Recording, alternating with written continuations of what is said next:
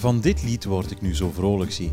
Quand on partait de bon matin, quand on partait sur les chemins. Heerlijk, op weg naar de Tour. À bicyclette. Nous étions quelques bons copains. Il y avait Fernand, il y avait Firmin, il y avait Francis et Sébastien. Et puis Paulette. Ik ben Christophe van de s'entendait Goor en mijn copain voor de komende drie weken heten Sven, Serge en Frank, mijn co-commentatoren. Sven Nijs, Serge Pauwels en natuurlijk Frank Hoste. Drie weken lang praten we in deze podcast van Sportza Koers na over de etappe van de dag. Devant Paulette. En avant met La Bicyclette le van Yves Montand en natuurlijk zijn Paulette, de dochter van de postbode en het mooiste meisje van het dorp. Et depuis qu'elle avait 8 ans, elle avait fait en le suivant tous les chemins environnants. À bicyclette. Ja, we beginnen vandaag ietsje later met onze podcast vanuit de auto. Want dit eh Sven Nijs moeten we vandaag toch allemaal eens even laten bezinken. Hè. We hadden er eigenlijk het eerste uur niet veel zin in om aan te beginnen. Want eh, ja, waar, waar wil jij eigenlijk beginnen? Met het positieve nieuws van Tim Merlier? Want dat raakt toch een beetje ondergesneeuwd door al het negatieve nieuws van deze derde etappe. Ja, dat klopt inderdaad. Hè. Het blijft toch wel een indrukwekkende prestatie van Tim Merlier, die absoluut in de bloemetjes mag gezet worden. Eh, en niet alleen van Tim, maar eigenlijk van de volledige ploeg. Als je ziet hoe zij de laatste 4, 5 kilometer aanpakken, ja, dan is dat alleen maar eh, indrukwekkend te noemen. Ze zaten daar met eh, alle mannen die er moesten zitten. Met op kop natuurlijk Mathieu van der Poel, die, ja, die dat indrukwekkend doet. Die eigenlijk het volledige peloton op een lint trekt. Ricard, Philipsen, noem ze maar op. Om dan uiteindelijk goed de koor te houden, eh, zelf initiatief te nemen en die wedstrijd naar zijn hand te zetten. Dus dikke pluim voor de ploeg en vooral eh, Tim zelf. Hoe verklaar je dat eigenlijk? Eerst en vooral het ploegenspel, want eh, per slot van rekening zijn het allemaal debutanten. Ehm, ja, ga er maar aan staan. En dan kan je heel makkelijk zeggen van ze zitten in een flow na Mathieu van der Poel. En ongetwijfeld zal dat meespelen. Maar het is allemaal nieuw. En toch zitten ze daar collectief eigenlijk in die sprint na zo'n hectische finale. Eh, collectief met vier man zoals je zegt, als beste ploeg. Ja, hoe verklaar je dat? Soms valt gewoon alles in de juiste plooi. En natuurlijk helpt het dat het gisteren helemaal heeft meegezeten. Je zit echt in de roes van de overwinning, de gele trui. Maar er is natuurlijk ook voor een heel groot stuk geluk meegemoeid. En uh, zij dwingen dat ook voor een, klein, ja, voor een klein stuk wel af door helemaal vooraan in dat peloton te zitten. Maar dat kan je ook van andere renners zeggen. En ze zitten dan gelukkig wel langs de juiste kant van de baan. Uh, natuurlijk Mathieu die zelf op een indrukwekkende manier uh, iedereen vrijmaakt binnen de ploeg. Uh, het zit allemaal mee. Waar het bijvoorbeeld bij Jumbo-Visma allemaal tegen zit. En hoe komt dat dan? Hè? Ja. Wat beleeft Tim Merlier eigenlijk? Hij ging naar de Ronde van Italië, wint daar een etappe. Hij komt naar de Ronde van Frankrijk, wint een etappe. De jongen had bij manier van spreken twee jaar geleden geen team, is, is opgevist, is cyclocrosser. Ja, dat is ook uh, bijna een, een, ja, het is een droom. Ja, dat is zeker een droom. Ik bedoel, als je twee etappes wint in de twee grootste rondes um, die het jaren al heeft ontplooid, ja, dan, dan uh, kan je daar alleen maar uh, chapeau voor zeggen. En, en, en al die andere wedstrijden hè, die hij ook al naar zijn hand heeft gezet dit jaar, natuurlijk van een lager niveau. Maar hij is intrinsiek gewoon uh, ja, een van de snelste mannen van het wielerpeloton momenteel. Alleen is de vraag natuurlijk, uh, en dat is, zal ook voor het eerst moeten blijken nu, hoe gaat dat gaan als hij probeert van drie weken deze ronde af te werken en uiteindelijk dan aan de Champs-Élysées aankomt mm, en kijken dan hoe hij zich daar zal gaan ontplooien. Dat heeft hij ook nog nooit gedaan Mhm. en alles, voor alles is natuurlijk een eerste keer. De signalen in de Giro van vermoeidheid waren daar wel op een bepaald moment. Dit is natuurlijk de Tour. Uh, misschien nog wel meer het, meer het hoofddoel, hoofddoel nu dan, dan de Giro was. Uh, dat is de vraag nu. Maar wat hij vandaag doet is fantastisch. Want, en daar komen we straks natuurlijk op terug, maar met de wetenschap dat Caleb Ewan oud is in deze Tour, ligt er inderdaad straks op de Champs-Élysées de meest prestigieuze sprintoverwinning. Die ligt wel te wachten op hem. En daar moet inderdaad blijken welke inhoud hij heeft om over de bergen te geraken. Ook al is deze ronde van Frankrijk wat betreft bergetappes niet de allerzwaarste van de laatste jaren. Nee, dat is inderdaad wel zo. Maar we mogen zeker niet onderschatten dat daar ook nog een Cavendish zit die vandaag zijn ding niet heeft kunnen doen. Dat we een uh, Kees Bol hebben die uiteindelijk um, behoorlijk goed vooraan heeft kunnen standhouden. Die dan wel net de timing wat miste. Uh, Sagan was eigenlijk ook wel in de juiste positie. Werd daar een klein beetje verdrumd door Caleb Ewan in de laatste 400, 500 meter. Dus het zijn ook wel mannen die allemaal nog hun ding gaan doen. Demar kon vandaag zijn ding niet doen, ook uh, in de valpartij betrokken. Dus uh, het wat zal niet gebeurt al... daar allemaal in die valpartij? Probeer nog eens op een rij te zetten wat je hebt gezien, wat je hebt beleefd. Wie maakt fouten, wie profiteert ervan, wat gaat er goed voor sommigen, wat gaat er mis? Ja, wat vooral gebeurt in de aanloop naar die val is dat daar drie jongens zitten die zich eigenlijk vrijmaken na het werk van Van der Poel. En dat is op kop Ricard met uh, Philipsen en Merlier. En daarachter zit Carapaz. Maar Carapaz is natuurlijk de man die uiteraard geen interesse heeft om die spurt aan te gaan. En die er eigenlijk een paar meter laat. En daar anticipeert uh, Peter Sagan heel goed en kruipt in het wiel van de jongens van Alpecin Phoenix. En nestelt zich daar in de juiste positie in het wiel van Tim Merlier. Ewan komt van iets verder. En um, probeert dan de plaats in te nemen van Sagan. En slaagt daar wonderwel in op een goede 250 à 300 meter van de finish. En dat moment zit hij ook aan de koord, aan de binnenkant, aan de rechtse kant van het wiel van Tim Merlier. Op het moment dat uh, Philipsen aangaat. En ziet dan van, ik krijg hier geen ruimte om langs de koord nog te passeren. Dus ik moet naar links, ik moet uitwijken. En komt dan in contact... Om ruimte te zoeken voor zichzelf en te maken eigenlijk. Hè? Ja. Inderdaad. Ja. Uh, in het wiel van hem zit dan ook nog uh, Sagan. Maar die ruimte komt er eigenlijk niet door het feit dat ook Philipsen natuurlijk zijn spurt afgelopen is. Uh, Merlier de koord houdt, het ruime sop kiest. dus het zou nooit mogelijk geweest zijn voor Caleb Ewan om langs de buitenkant nog Timmerlier te remonteren. Want Philipsen sloot eigenlijk heel goed de deur, zodanig dat hij veel te ver rond moest in die flauwe bocht. Maar hij raakt in contact met het achterwiel van Timmerlier, geraakt uit evenwicht en neemt in zijn val ook Peter Sagan mee. Ja. Philipsen die ook uh, bijna nog feller juicht dan Timmerlier zelf hè, als tweede.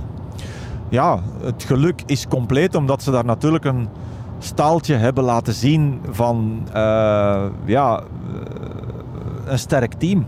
Um, en, en dat is gewoon indrukwekkend. Als Merlier daar niet had gezeten, had Philipsen dat afgemaakt. Dat kunnen we vandaag echt wel stellen. Dus het is, uh, het is knap wat er gebeurt. En ze zijn uiteraard, ja, we zijn dag drie in de Tour en ze hebben twee etappes gewonnen. Als niet-World Tour team kan dat best wel tellen. Dat is eigenlijk amper in te schatten. Hè? Nu ja, je hebt Mathieu van der Poel. Dat is nu makkelijk zeggen achteraf, maar toch, ja, dat, ga je, is een van, dat is de beste renner misschien wel ter wereld. Dus, maar uh, het is echt zweven op een wolk. En wat, die, wat dat ploegje van Blues Roodhoofd verwezenlijkt en meemaakt. Ja, uh, wat, wat kan je daarover zeggen? Alleen maar superlatieven op dit ogenblik. Ja, het klopt allemaal. Het zit allemaal mee. Ze zijn op het juiste moment ook allemaal heel goed. En dat heeft ook wel de afgelopen dagen een beetje aan een zijde draadje gehangen. Als we dan spreken over Philipsen, die dan valt in de Balwaze Belgium Tour. Ja, dat is waar. Hechtingen krijgt. Uh, Merlier, die gisteren, uh, eergisteren onderuit gaat. Een uh, gezwollen enkel heeft, twee geschaafde knieën. En, en uiteindelijk heelt dat allemaal op het juiste moment. En Van der Poel opent gewoon de deur. En de indrukwekkende prestatie van Van der Poel krijgt eigenlijk een verlengstuk. Doordat hij ook heel attent in zijn gele trui beseft van ik heb hier niet alleen een lead-out te doen op twee kilometer van de finish, maar ik moet ook zorgen dat ik de aansluiting niet mis, want Alaphilippe is ook bij de pinken. En die zit daar in zesde, zevende positie in de hoop dat Van der Poel het zou laten lopen zodanig dat hij geel terug kan overnemen. Maar Van der Poel die komt van kop en die is dan nog in staat om dat wiel niet te lossen en gewoon mee te gaan in de flow en uiteindelijk ook nog in de top 10 beland. Ja, ja, het, het was een onwaarschijnlijk steekspel en je moest bij manier van spreken tien antennetjes hebben om alles klaar te kunnen bekijken, ook als coureur, vooral in die finale, omdat het gevaar echt overal zat. Ja, ja, ieder heeft zo zijn eigen plan, ieder heeft zijn eigen eh, idee van waar hij uiteindelijk nog moet gaan uitkomen.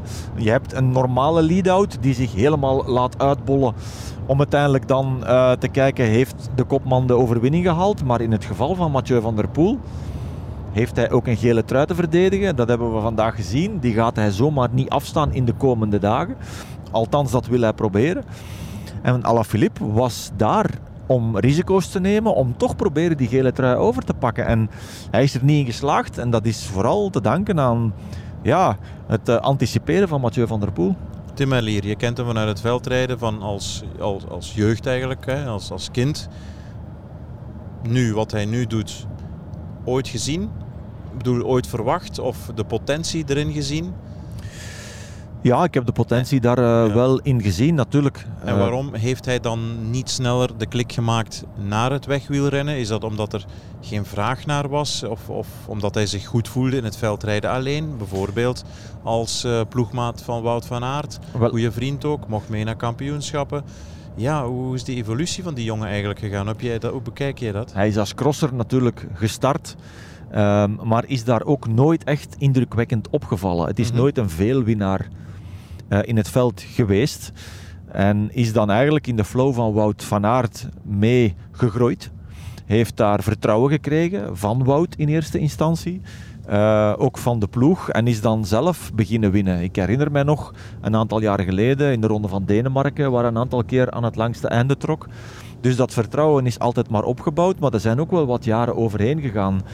Uh, ze hebben hem een aantal keer aangeboden. Uh, Mario de Klerk onder andere, die uit hetzelfde dorp komt, Wortegem-Petegem, die af en toe wel eens zijn neus aan het venster stak en zei van hé, hey, maar ik heb hier nog iemand die enorm snel is en waarom geloven jullie daar niet in? Onder andere Lotto Soudal is daar zo'n ploeg van. En dat is dan niet gebeurd en dan heeft hij uiteindelijk uh, na een moment waar hij bijna zonder ploeg zat, de kans gekregen van de gebroeders Roodhoofd om zich te ontplooien en ja, in de flow en het groter worden van het team ook grotere wedstrijden die dan op het programma kwamen, uh, groeit hij nu mee en komt hij plotseling uh, als een van de snelste mannen van het peloton tot ontplooiing. Belgisch kampioen worden in Gent, is dat een klik geweest of ligt die klik veel vroeger en eerder op zijn pad? Ik denk dat internationaal um, je neus aan het venster steken misschien nog wel meer vertrouwen geeft dan een Belgisch kampioenschap. Natuurlijk doet dat wel wat. Zo'n jaar rondrijden met een Belgische trui, dat zal hem zeker wel een extra boost hebben gegeven. Maar het is eigenlijk al uh, in dat jaar ontplooid, uh, zelfs buiten, buiten de landsgrenzen. Ja. We gaan het hebben over de valpartijen, want dat is natuurlijk een minstens even groot thema. Um, je volgt de sociale media ook heel goed. Je ziet afkeer ontstaan na zo'n etappe. Heel veel mensen die tweeten: Ik kijk niet meer naar televisie, dit is niet leuk meer. Mijn geliefde kozen sport gaat een onder. Als mijn kind mij vraagt om te gaan koersen, ja, dan stel ik voor: kan je misschien ook een zaalsport kiezen? Um, het is plots heel veel op een korte periode. Anderzijds zou je kunnen zeggen, Sven, en dat klinkt misschien te relativerend, maar dat is het wel. Dat is bijna een, een terugkerend fenomeen ieder jaar in de Ronde van Frankrijk. En ik vrees dat één echte verklaring niet bestaat. Want ook heel veel mensen gaan dan meteen op de achterste poten staan en verwijzen naar het parcours. We mogen ook niet vergeten um, dat het een bende stieren is. Allemaal super fit. We weten wat, een, wat hoge belangen hier op het spel staan. 180 man en maar wringen. De ene wil niet voor de andere onderdoen, want anders ben je gezien. Ja, hoe moeten we dit inschatten? Vooral evalueren en bestaat er überhaupt een oplossing voor iets dat, we, dat niemand wil eigenlijk, namelijk het, het lijden met de lange ei? Dat is heel moeilijk om daar oplossingen voor te zoeken, want we gaan niet elke dag kunnen eindigen op een Formule 1 circuit. We gaan uh, altijd dorpen en steden nodig hebben om het financieel behapbaar te maken. Dus die zijn daarin geïnteresseerd. Dus willen die ook in de dorpskern en in de stad hun finish hebben. Um, dat, is, dat is één facet van, uh, van de sport.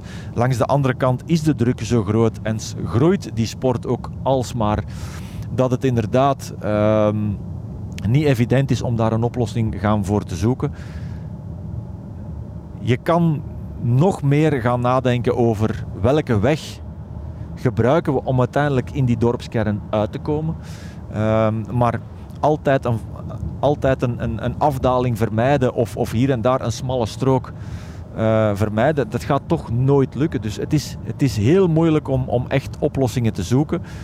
Uh, maar als er een vraag komt vanuit het peloton in de dagen voor zo'n kritische etappe, van zorg dat we een moment hebben waar we op 5 of op 6 kilometer van de finish de tijd stilzetten. En daar komt dan geen gehoor naar, dan wekt dat natuurlijk frustratie op. En dat zou een dat is denk ik een belangrijke stap, dat er altijd moet onderling overleg zijn en dat nooit de beslissing van één kant kan komen. Als het gaat over de veiligheid van onze sport. Natuurlijk wel over regels die moeten gevolgd worden. Maar als het gaat over de veiligheid van de sport, dan moet er veel meer een luisterend oor zijn. En dan, zou, dan gaat er minder frustratie zijn. Gaan we valpartijen volledig uitsluiten? Nee. Zelfs als we in Abu Dhabi op een rechte baan uh, van 10 meter lang een massaspurt hebben, zullen er ook valpartijen zijn. Maar er kan wel veel meer overleg zijn, zodanig dat er een compromis wordt uh, gehanteerd. En dan krijg je minder frustratie. Zou dat dan, ja, we kunnen niet in de hoofden kijken van organisatie en van juryleden, maar ja, is, het, is dat kwade wil dan waarom dat ze niet uh, in zijn gegaan op de vraag van, van de renners? Of ja, hoe moeten we dat dan inschatten? Ik heb geen idee uh, hoe je dat uh, moet inschatten. Dat is een heel goede vraag. Want uiteindelijk kom je dan bij de conclusie van inderdaad brood en spelen. Uh, ja, puppets on a string, noem maar op. Lefevre heeft het al zo vaak gezegd, ook vergaderingen met ploegleiders. Je komt met elkaar overeen, je stapt buiten en voordat je het weet heeft er al iemand weer een dolk in je rug gestoken. Een, een eenheidsfront vormen in zo'n peloton, waarbij de ene altijd gaat denken, ja, als die zich aan de regeltjes houden, dan kunnen wij in dat gat springen. Bijvoorbeeld kleinere ploegen. Ja, dat is, dat is de moeilijkheid, hè? Het is een, uh, is een moeilijke discussie en je kan elke val natuurlijk helemaal gaan analyseren. En is dat dan altijd de schuld van de openbare weg? Zeker niet. Af en toe wel, maar ook zeker niet. Als je de val ziet van Roglic vandaag, ja, dan krijgt hij een zetje of hij raakt per ongeluk het, voorwiel, uh, het achterwiel van zijn, van zijn voorganger. Dat heeft niks met de breedte van de weg te maken. Ik denk dat dat uh, een situatie is die zich altijd gaat voordoen. Oké, ja, er zat een flauwe bocht in de laatste 150 meter. Maar die val van Caleb is vooral omdat hij het achterwiel raakt van Tim Merlier. En heeft dat met die bocht te maken? Het zou kunnen, maar ik denk dat niet. Dus je mag het niet altijd in de schoenen schuiven van het parcours, maar soms kan er wel een oplossing gezocht worden om de druk van het peloton wat te verlagen. En dan zou een, de tijd stoppen iets vroeger misschien een oplossing kunnen zijn. Ja. Ik ben absoluut geen voorstander van populistische vragen, maar is dit een moment of alweer een moment om actie te voeren? Om een duidelijk signaal te geven? Zo ja, wat is dan dat signaal? Bij wijze van boetade heb ik in de radio-uitzending gezegd, Bernard Hinault zou morgen op de grond gaan zitten, halfweg, het eh, pullet, halfweg de etappe uh, van de fiets stappen en de eerste rij blokkeren. En jongens van de organisatie en UCI, jullie gaan hier nu mee akkoord wat wij voorstellen, of anders is het gedaan. Zover gaat het nooit komen natuurlijk, maar zie jij dat ooit mogelijk? Zou je dat doen? Er is ook niet echt meer een patroon in het peloton. Het is natuurlijk in het verleden al wel eens gebeurd. En het enige waar ze zouden kunnen voor pleiten, als het gaat over op korte termijn een oplossing zoeken, dat is dat ze inderdaad morgen beslissen van kijk, als we geen compromis hebben over de afstand waar de tijd wordt stilgezet, dan starten we morgen niet. Dat zou een oplossing kunnen zijn. Het parcours wijzigen gaat nooit meer gebeuren. Nee, nee. Zie ik niet direct gebeuren. Elke omgeving is anders. Uh, om daar nu nog oplossingen gaan voor te zoeken, dat denk ik niet. Maar de tijd stilzetten zou wel kunnen afgedwongen worden als iedereen aan dezelfde koord trekt. Ja, en je gebruikt het woordje als, hè. en dat is zo moeilijk natuurlijk. En dat is in de wielersport al heel vaak niet gebeurd. Voilà. Morgen gaan we richting Fougère, opnieuw een uh, sprintetappe, want nog vlakker dan vandaag. Is het zoals bij de Olympische Spelen, de games must go on en morgen wordt er opnieuw gesprint? Sowieso, hè. Uh, ja. morgen gaat dat, uh, gaat dat verhaal verder. Die trein die davert verder met alle risico's van dien. En die renners stappen morgen op hun fiets en draaien die knop om en gaan opnieuw moeten risico's nemen. Uh, er is er zijn te veel belangen. Ze willen het ook graag zelf. Want als je morgen een renner uh, thuis laat van de Tour, dan is die zwaar teleurgesteld. Die wil hier zijn. die wil hier op de eerste rij rondfietsen, Want dan voorop hoor rijden. je erbij, hè? Dan hoor je erbij. Dan hoor je je bij erbij. de topmannen, hè? Ja. Dus uh, het is altijd... Uh, dit soort problemen is altijd een combinatie van verschillende factoren. Tot slot over de eindstrijd van de Ronde van Frankrijk. Hè. Uh, Thomas, Wonderlijke, Roglic, zelfs al een minuut verliezen. Miguel Angel Lopez, noem ze maar op. Eigenlijk alleen bijna ja, Carapaz en Pogacar zijn relatief ongehavend. Kelderman. Wat betekent dit eigenlijk? Want ja, stel dat jij Marijn Zeeman bent van Jumbo-Visma, hoe gaan we dit aanpakken? Dan kan je wel zeggen van we gaan proberen aan te vallen in de bergen. Maar ja, Pogacar is Pogacar. Uh, een minuut is veel. Een minuut is veel, maar... Het mentale aspect, het, dan heb ik het nog niet over het fysieke aspect. Hoe zwaar is hij eraan toe? Ja, het is natuurlijk afwachten wat dat medisch bulletin echt zal weergeven morgen. Maar um, we zijn natuurlijk nog maar weekend 1. Er moet nog heel veel kilometers worden afgelegd. Niets sluit uit dat straks ook, en we hopen natuurlijk van niet, dat ook Pogacar en andere renners in de problemen komen door bepaalde omstandigheden. Je moet er altijd wel blijven in geloven. Um, dat punt 1, maar dat zij vandaag achteroverleunen en het gevoel hebben van we zitten echt in de hoek waar de klappen vallen, ja, dat is een feit. Zo waar het, het vorig jaar. Out? Ja, waar het vorig jaar allemaal roze geur en maneschijn was, tot de voorlaatste dag. Um, zit het vandaag helemaal tegen. Ja. Dat is natuurlijk ook sport, uh, dat is topsport en dat is soms keihard. En dat is helaas uh, hoe zij er vandaag voor staan. Maar er zijn heel veel ploegen die in deze situatie zitten. Als je het echt een beetje analyse analyseert, dan is denk ik de Koning Quickstep degene die er het minst gehavend uitkomt. En de jongens van DSM en uh, Wilco Kelderman, ik heb hem al een paar keer genoemd de afgelopen dagen. En hij fietst eigenlijk uh, ja, tussen alle kegeltjes tussendoor. Onopvallend. Momenteel. Onopvallend, maar ja. hij is daar. Hij ja. zit altijd wel ergens uh, op de goede plaats. Talent heeft hij, maar het heeft ook in zijn carrière nog niet echt heel veel meegezeten. Ja. Dus, heel veel pech, valpartijen, noem maar op. Het is jammer om te zeggen, maar soms is het ook zo dat de ene zijn dood, de andere zijn brood is. En er staan misschien nieuwe jonge gasten op die uh, morgen zullen schitteren in deze ronde van Frankrijk. Ja. Ik wou positief eindigen, maar Caleb Ewan is natuurlijk en was het gezicht van Lotto. Heel de ploeg daaraan opgehangen. Behalve misschien een vrijbuiter als uh, Thomas de Gent. Hoe moet je hier de kopjes van een de Buist, van Harry Sweeney, van Kloege, die maar met één doel hier waren, van Tosh van der Zanden, hoe moet je die weer recht krijgen? En die mannen oppeppen en zeggen, ja, probeer mee te gaan in een vlucht, je weet maar nooit. Terwijl je eigenlijk weet dat je met Ewan hier heel veel geld kunt verdienen en, en, en ritten winnen.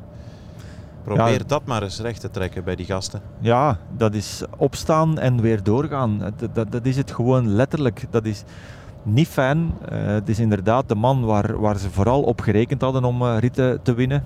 Vandaag, uh, om te beginnen al, zat in een goede positie. Maar je hebt daar natuurlijk wel wat kwaliteit. Dit is misschien het moment voor wat meer ruimte voor een Van Moer. Die daar denk ik toe in staat is om op een bepaald moment, als de koers zich daartoe leent, wel een etappe te winnen. Uh, Philippe Gilbert, kan hij dat nog? Is er nog een moment waar hij in die juiste ontsnapping zit en het dan afmaakt? Ik sluit ook niet uit dat Thomas de Gent toch op een bepaald moment uh, weer de gave heeft om daar iets moois van te maken. Dus dat is de enige oplossing die ze hebben. Van uh, goed na te denken over welke ontsnapping proberen we mee te gaan, om dan uiteindelijk met een ritwinst naar huis te kunnen ja. gaan. En Merlier vandaag, de major op het slagveld. Absoluut. Hij gaat met een big smile straks zijn bedje inkruipen. De volledige ploeg, denk ik. En zij scoren eigenlijk aan een rendement van 100%. Dankjewel. Tot de volgende.